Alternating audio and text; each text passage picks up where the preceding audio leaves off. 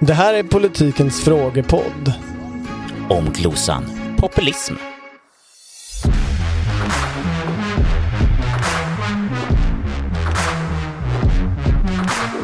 Men det var, ja, men, ja, du hade en fråga till mig, ursäkta, nu tappade jag bort den.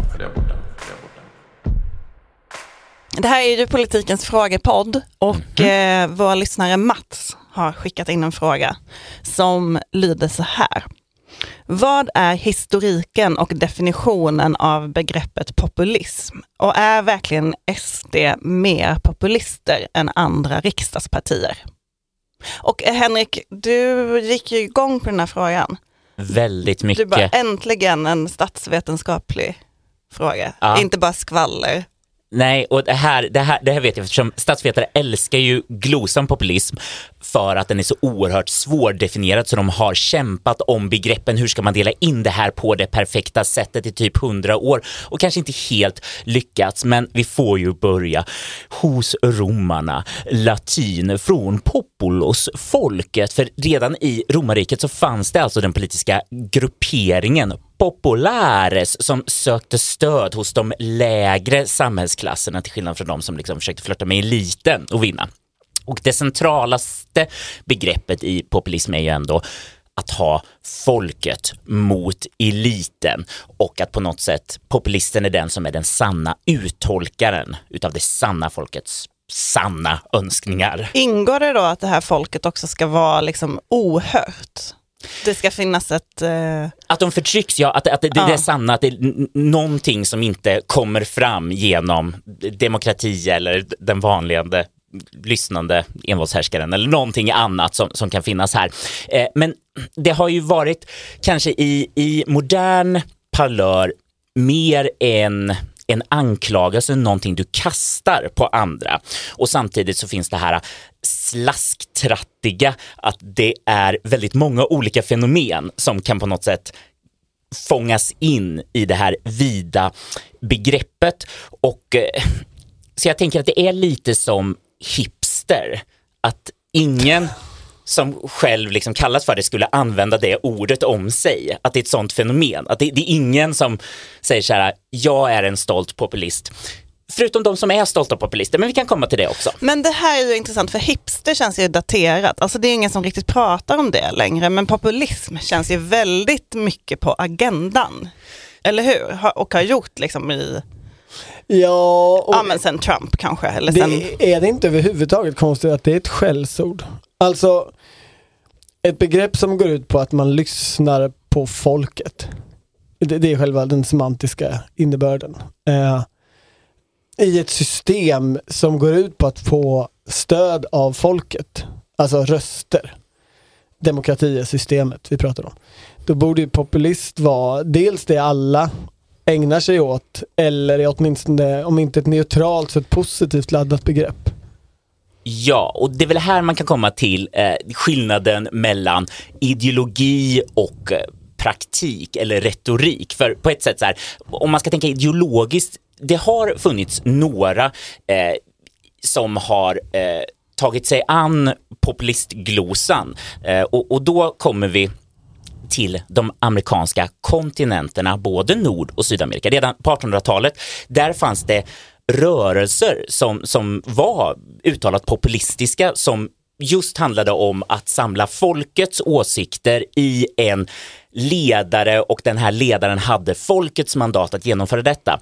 Och det här har ju massa komplexa historiska bakgrunder, men det, det är en klar skillnad på de amerikanska kontinenterna så finns det inte samma historia utav de tydliga ideologierna och framförallt inte starka partisystem som det till exempel har funnits i Europa. Så där blev det kanske en mer legitimt sätt att ta sig fram och det behövde inte vara kopplat till höger, det kunde också vara vänstern som förde fram sin, sin politik genom populismen.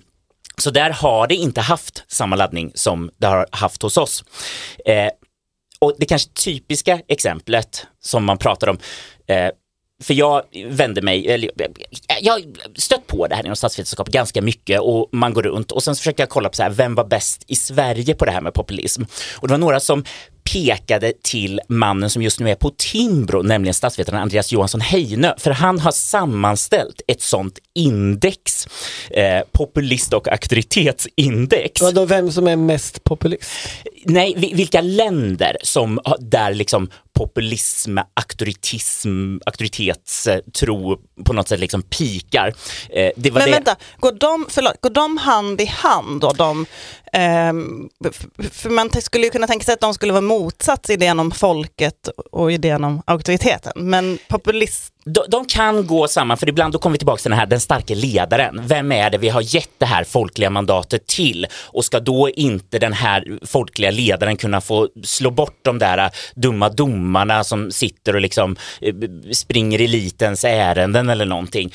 Det, det finns en, en sån definition. Och sen så skulle man kunna då invända att för det Andreas Johansson Heine eh, gjorde med det här eh, var ju nämligen att säga liksom att det är både höger och vänsterpopulism och det här är ju eh, så att säga kanske mer en mittenposition att titta på liksom båda sidorna har sin extremism och sin problematik. Det som vi inte haft så mycket fokus på det är just hur Sverige har pratat, hur svenskar har pratat om populism. För det gjorde vi nämligen inte förrän egentligen på 90-talet när Ny Demokrati kom. Innan så var det verkligen någonting som händer andra i andra länder. eller skåningar. Ja, och då så sa vi inte populism, utan då sa vi missnöjespartier. Alltså Skånepartiet, Sjöbo och alla de där. Lokala partier. Glistrup-partierna. Ja, och det, då pratar vi om populismen och sen så hände ju någonting med Vänsterpartiet på 90-talet, nämligen kommunismen tas bort, kåt försvinner, in kommer Gudrun Schyman och då börjar vi prata om liksom vänsterpopulismen i svensk inrikespolitik. Annars var det ju bara det är kommunism hon håller på med. Det, det, det, det var det som var anklagelseakten. Och, och samma sak med att Sverigedemokraterna, det var ju ingen som fokuserade på glosan populism i början, för då var det ju så här, det här är nynazism eller främlingsfientlighet. Det var ju glosan som användes i början när det partiet skulle beskrivas, utan det är liksom en bit in på 00-talet som glosan populism används för att beskriva det partiet. Brukade man inte till och med prata om att SD inte var så populistiskt, alltså att de, de stod väldigt starkt fast vid sina åsikter lite oavsett vad liksom opinionen tyckte. Idag fungerar de ju på ett annat sätt. De har blivit mer och mer populistiska tycker jag. Jo, och det är väl det här som är det svåra med att använda det här väldigt porösa begreppet populismen. Alltså i menar jag i betydelsen liksom rätta sig mycket mer efter någon slags idé Ja. om en folklig opinion. Utan då är det väl just att, eh, om man ska tänka ideologin, eh, där är det ju då tankefiguren. Det här är, det finns en elit och det finns folket och eliten på något sätt lurar eller liksom eh, gör något dumt mot folket och vi måste, folket måste liksom få sin comeuppance mot de som bestämmer.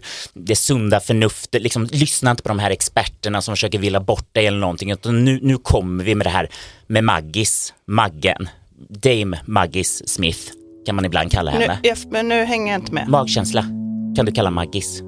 Okej. Du tänkte bara, det är också mitt namn, så därför tycker jag det är Ja, konstigt därför att blev det förvirrande. Ja, Du säger ofta saker, men sen så gör du ju någonting annat. Någonting annat.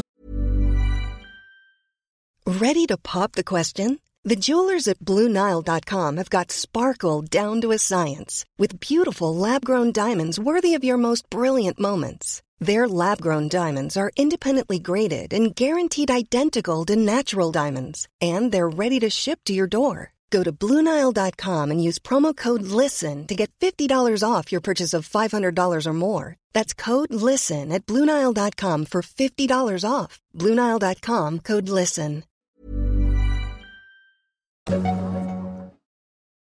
Jag tänker att det finns ju något, alltså om man jämför till exempel Sverige och, och Latinamerika så finns det ju skillnad i korruption till exempel, alltså eh, folkets förtroende för, för staten, för myndigheterna, för riksdagen. Eh, det måste ju också spela in i avsaknaden av populism. ja eh, och det är väl det som är förståelsen av att om om distansen till eliten är väldigt stor, då bör det vara liksom lättare och kanske mer legitimt att, att jobba med den populistiska tankemodellen men att retoriken bör vara mer framgångsrik än om man tänker att så här, nej men de som styr, de har jag förtroende för, de kanske till och med är som jag. Och det är ju många som har sett Sverige som ett mer egalitärt samhälle som har haft närmre till de styrande och då kan vi komma in till det här skillnaden mellan ideologin och retoriken. För precis som du säger Torbjörn, alltså på något sätt all effektiv polit politisk kommunikation är ju på något sätt populism om man med populism menar det här äh, extremt förenklade tydliga budskapet där man liksom på något sätt verkligen lyckas hela tiden föra fram just sin enda ståndpunkt, verkligen svartvit målar världen och lyckas säga det här är de dummisarna. Här kommer jag med den enda lösningen som behövs för att göra hela det här stora problemet lösbart. Där kan man ju se att vi har många som kanske skulle kunna ses som goda populistiska retoriker även i dagens svenska politik. Jo men um, Ebba Busch, känner ni till henne? Jag har hört om henne. Hon fick ju kritik i veckan på flera ledarsidor för hur hon uttalade sig kring det här med sekretess som regeringen vill ha om eh, elstödet, trots att lagrådet har varit väldigt kritiskt till det. Lagrådet var ju också väldigt kritiskt till hur regeringen har tagit fram den här, det här lagförslaget. Det var bara en halv dags remisstid. Och då svarade Ebba Busch att eh, jag förstår också och respekterar kritiken mot den snäva tidsramen, men i andra delar av landet så skriker folk efter att det här behöver komma nu och det är på svenska folkets sida som jag står här. Och då fick hon då kritik för att det här var en populistisk tankefigur, svenska folkets sida, eh, mot vem? Mot lagrådet, eh, mot Ja men framförallt så är det ju en grundlagen. fråga, Mot... vad går det definiera att ett, ett folk, i, i det här fallet det svenska folket, har en åsikt, tycker en sak och det är det som är lite eh, eh populismens kärna tänker jag. Eh, oavsett om man definierar den som, som god eller, eller ond, att det handlar om förmågan att eh, ena folk eller att låtsas att de är en enhet eh, och tycker någonting särskilt. Alltså, Som journalist känner man ju, vill jag bara inflika Ja. där, du ska få prata om din bok också, men att, att just offentlighetsprincipen och möjligheten att ha insyn för folket är, är liksom också på folkets sida. du, du tycker att du står på folkets sida? Jag, jag tycker att offentlighetsprincipen står på folkets Ja, jag sida. förstår. Jag återläste Per Wirténs bok Populisterna. Som ju framförallt handlar om nordamerikansk eh, politik. Men han landar ju i ett ganska positivt förhållningssätt till hela begreppet. Alltså, det är någonting bra att samla och få folkets stöd och vara folklig som politiker. Men, men som han landar så är det väldigt nära egentligen en folkrörelse.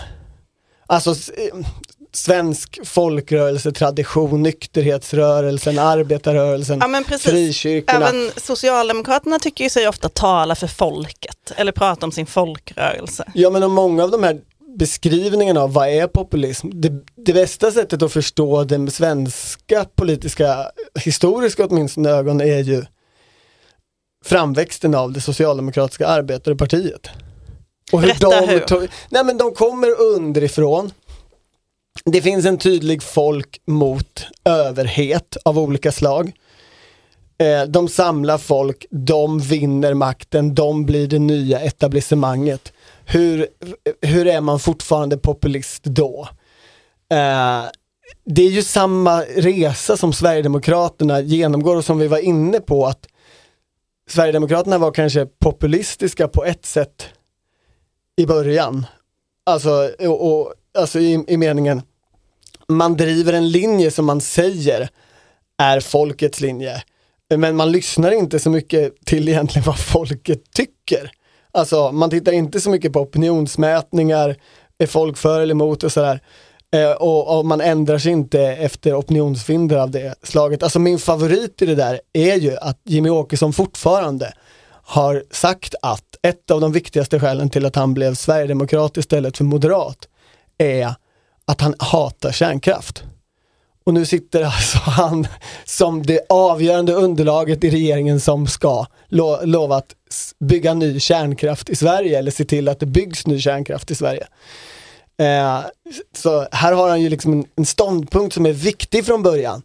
Och idag är inte den ståndpunkten alls viktig eller har ändrat sig för att människor har ändrat sig. Ja, men eller hur man, alltså abortfrågan höll man ju fast i väldigt länge trots att det inte fanns någon folklig opinion där. När det gällde migrationen fanns det ju en folklig op opinion som de andra partierna inte exploaterade. Ja men och det är egentligen bara i den man idag kan säga att partiet så att säga är populistiskt i den goda meningen, alltså företräder en stor folkvilja, en majoritet. Men det, det är det som är frågan i den goda meningen, för vi var ju lite inne på det, att det, det enas populism, det är ju bara den andras folklighet. Att vara för vad vanligt folk tycker. Eh, och det är ju liksom det fanns ju en gång det kanske mest elitistiska partiet som hette Folkpartiet som också försökte fånga in eh, den där känslan av att eh, vanligheten kan vi också representera. Skillnaden är väl när man sen liksom stormar ett parlament och säger valet är stulet för att jag vet ju vad folket egentligen tycker och de tycker inte så här. Och det är väl de här, precis. Alltså jag säger inte att någon har gjort det i Sverige, men Nej, det, vi utan- ser ju det.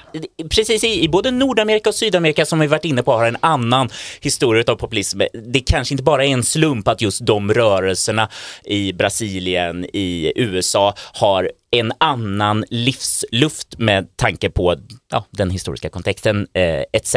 därifrån. Och det är just den här frågan, hur förhåller man sig till de andra demokratiska normerna inom populismen? Är det bara folkviljan som ska regera ohämmat? Vissa blandar ju samman också populismen med nationalismen.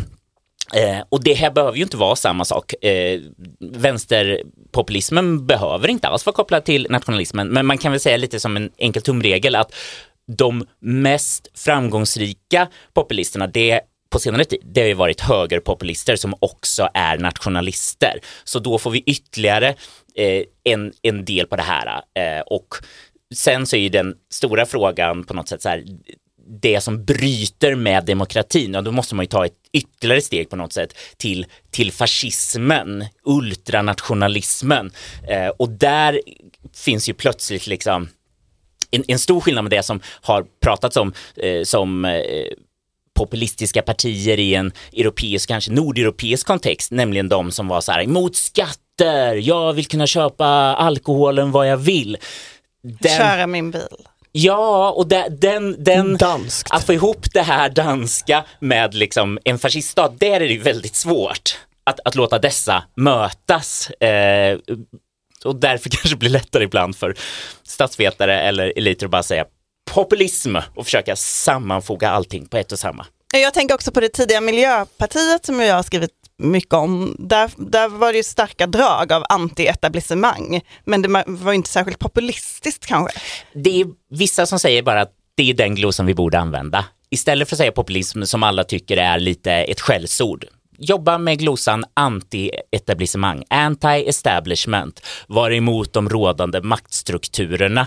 Och där, det, det, det uttrycket kan ju sen också bli kanske nästan lika vitt och slasktrattigt även som populism. För vad är etablissemanget? Ja, det är väldigt mycket som kan, kan rymmas i det. Men, men man, om man eh, ändå går tillbaka till Mats fråga här, alltså är SD mer populister än andra riksdagspartier? Vad är ditt svar på det Henrik? Nej, då tänker jag väl att eh, det finns ju, nu har statsvetarna, om vi ska gå till statsvetarna, då brukar de ju eh, oftast eh, gruppa in SD i den här breda right-wing radical populism, RRP, den klassiska RRP-glosan som vi alla har så nära hjärtat. Eh, då, precis, då, då, även om de själva liksom inte identifierar sig som populister återigen, så att säga, men vi är nationalister, vi är socialkonservativa, eh, då kanske man får ge dem, statsvetarna ger en poäng till SD där.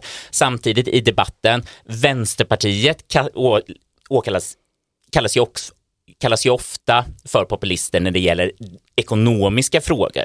Ja, och Nooshi Dadgostar har ju lite fått liksom, lite applåder för att hon har varit mer populistisk. Det har ju också funnits en debatt i Sverige, varför har vi inga vänsterpopulister? Varför är vi så dåliga på det? Alltså hela Ehm. Sjöstedts tanken om typ, åh tänk att vara som Bernie Sanders, det är ju 99% mot 1% av miljardärer, vi är den stora massan. Det är ju verkligen en populistisk retorik. Och eh, från vänstersidan så är det många som tycker här, det är det vi ska jobba med, så sluta vara så arga på det populistiska uttrycket. Och sen Ebba Busch har vi ju nämnt. Hon ska alltid ha ett honorable mention. Eh, KD har kämpat länge med de här glosorna. Det har suttits vid köksbord, det har rasats mot kulturradikaler. Eh, man har velat vara uttolkare för det sanna folket. Verklighetens. Verklighetens folk, ja.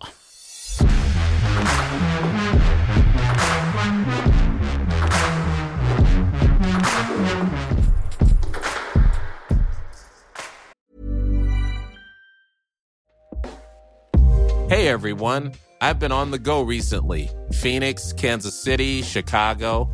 If you're like me and have a home but aren't always at home, you have an Airbnb. Hosting your home or a spare room is a very practical side hustle. If you live in a big game town, you can Airbnb your place for fans to stay in. Your home might be worth more than you think. Find out how much at airbnb.com/slash boast.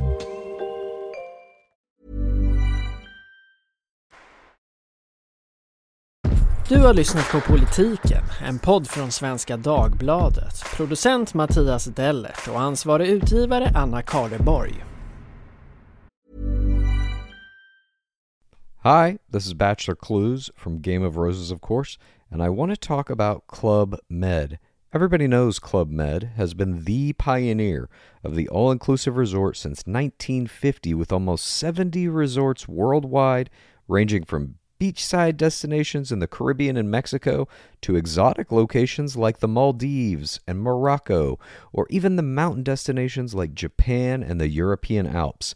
Dine on delicious gourmet cuisine, enjoy more than 20 activities, and make memories with your family. For more information, visit clubmed.us or call 1 800 Club Med or your travel advisor.